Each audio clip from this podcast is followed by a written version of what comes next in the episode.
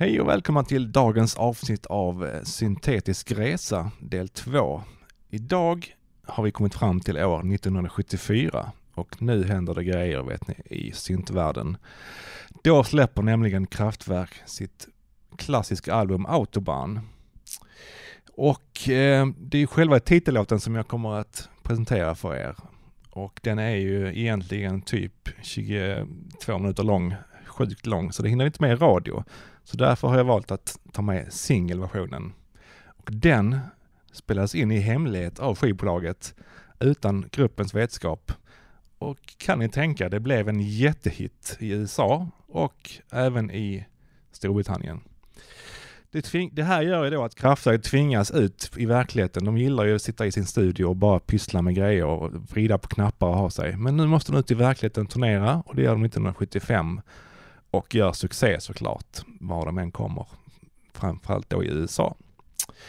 Eh, det är det jag tänkte berätta om Autobahn just nu, så att jag överlåter till er att njuta av den korta versionen av Autobahn. Håll i hatten.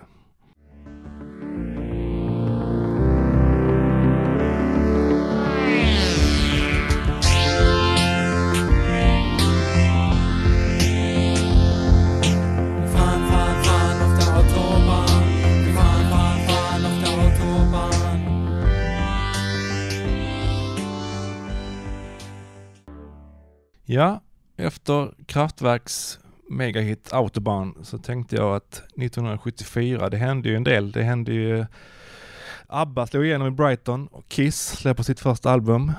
Eh, stora händelser, men inte i syntvärlden. I syntvärlden så händer följande att Wendy Carlos släpper album nummer, album nummer två av hennes covers på klassiska låtar. Hon har bland annat gjort, eller hen, han hette ju Walter Carlos först, men under inspelningen av A Clockwork Orange, som hen gjorde musiken till, så byter hen kön. Och Stanley Kubrick fattar ingenting, han bryr sig inte överhuvudtaget. Han bara säger, ge mig låtarna, var är låtarna? Liksom, bara släng hit låtarna. Så att det får han ju såklart. Eh, sen gör ju Wendy Carlos vila, hon gör ju egna, egna låtar, hon gör covers på klassiska låtar. Bland annat Bach är ju en favorit. Och jag har valt ut den här gången en cover av Bach. Uttalet är oerhört svårt att säga, så att jag struntar i det helt enkelt och bara låter er njuta av Wendy Carlos och Bach. Varsågoda.